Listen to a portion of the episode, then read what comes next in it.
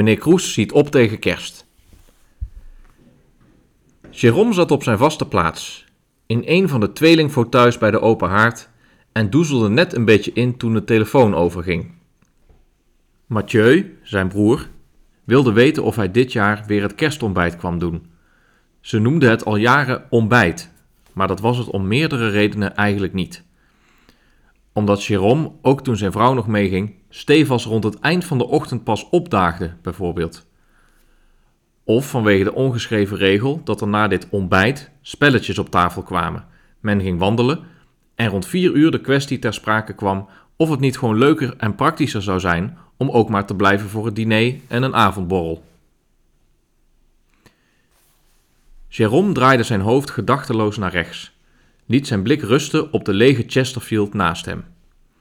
Hij zegde af, voor het eerst sinds de eerste editie in 1983. Hij stond op en liep naar de platenspeler, waarop een piano-LP'tje al een tijdje doordraaide met de naald op de binnenstrook en zette deze uit. Het doffe, regelmatige geklop hield op en het werd muisstil. Een gevoel van gejaagdheid kroop vanuit zijn benen, via zijn maag en hart, op tot in zijn keel. Het aangename en doezelige van zo even was weg en hij moest iets gaan doen. Een rondje wandelen misschien, en dan ook maar langs de supermarkt. Jérôme Kroes was, in tegenstelling tot wat zijn naam doet vermoeden, docent Duits. Een alom gerespecteerd docent Duits wel te verstaan. Belezen, oplossingsgericht, gestructureerd en toch ad rem, streng en toch rechtvaardig. De laatste tijd leek zowel het gros van zijn collega's als zijn leerlingen hem echter niet meer als zodanig te zien. Aangezien hij bijna 65 was, zou hij er wel een beetje de brui aan beginnen te geven. Hij vond het wel welletjes, dacht men. Al wandelend merkte Jérôme dat dit oordeel te kort door de bocht was en schuurde, zoals een psycholoog die een voor de hand liggende en eenzijdige theorie voorlegt aan de cliënt. Zijn naderende pensioen had hier niets mee van doen. De jeu was er wel uit, ja, maar niet vanwege zijn leeftijd. Ook wilde hij niet aan de dooddoener dat hij na 40 jaar lesgeven was vastgeroest in zijn vak. Het spook dat terugkerend onderwerp van gesprek is in iedere personeelskamer en uiteindelijk de leraar zal meetrekken in een niet merkbare trage val. Nee, dit lag dieper. Zijn gedachten gingen terug naar afgelopen week. Op vrijdag, een week voor de kerstvakantie, had hij aan DH3C een les gegeven die in het teken stond van de naderende deadline voor een briefopdracht. Bij wijze van welkomstpraatje had hij verteld over zijn wens om een andere auto te kopen. Zijn huidige auto was, wie ze natuurlijk wisten, een beetje stumpf, had hij gezegd. Hij wilde nu een echte auto. Zo eentje waarvoor je ochtends eerder opstaat om een kwartiertje in rond te tuffen, wanneer de lucht nog wat paars draagt en de weilanden mistig zijn. Hij speelde al een paar jaar met het idee, maar had er nooit echt werk van gemaakt. Het zou er dus vast ook niet meer van komen. Maar jullie gaan voor jullie briefopdracht wel spijkers met koppen slaan. Jullie zijn niet wie Herr Kroes, oder?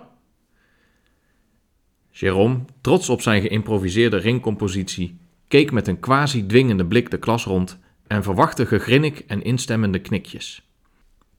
De meeste leerlingen keken afwezig naar buiten of smoezelden wat met elkaar. Bobby, de excentriekste en brutaalste van het stel, zat kiekjes van zijn klasgenoten te schieten met zijn eeuwige wegwerpcamera. De aanblik van deze algehele desinteresse voor zijn lesintroductie maakte Jérôme woedend en hij zette een buikstem op. Bobby! Heel de klas schrok van de plotselinge bastoon en keek op. 1.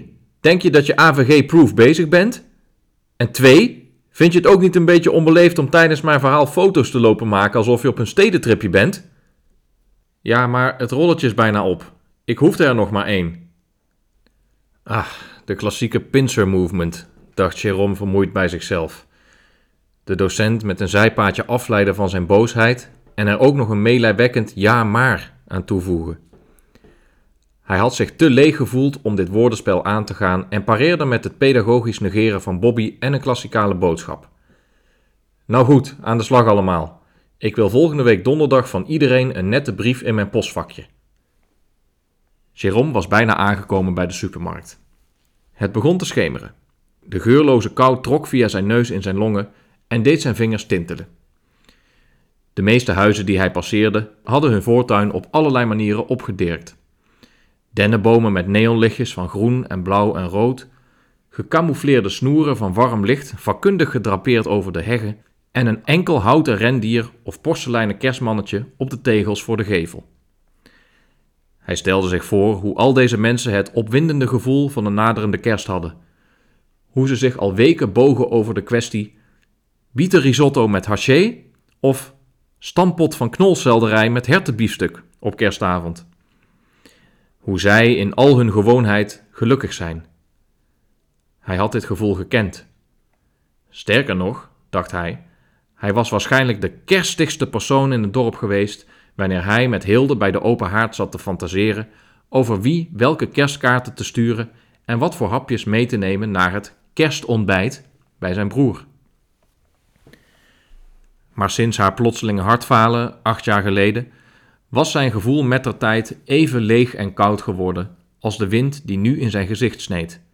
Ze moesten eens weten op school. Bijna met pensioen, Amahula.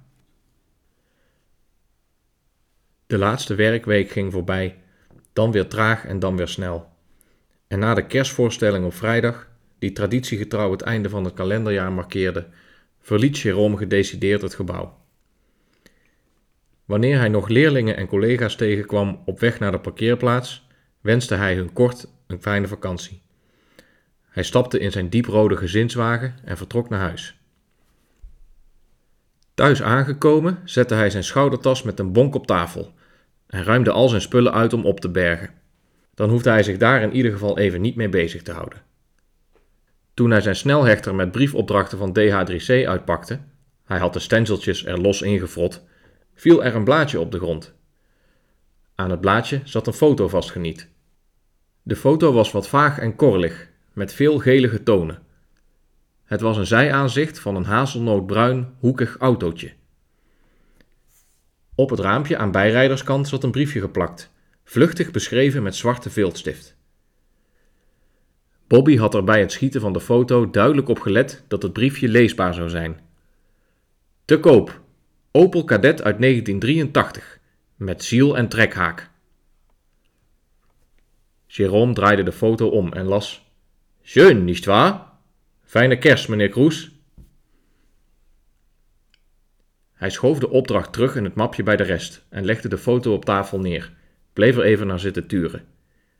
Toen stond hij op, liep naar de telefoon en toetste het nummer in dat hij elk jaar rond deze tijd wel een aantal keer draaide. Mathieu, ik heb me bedacht. Ik kom toch. Vervolgens stapte hij de deur uit voor een kleine wandeling.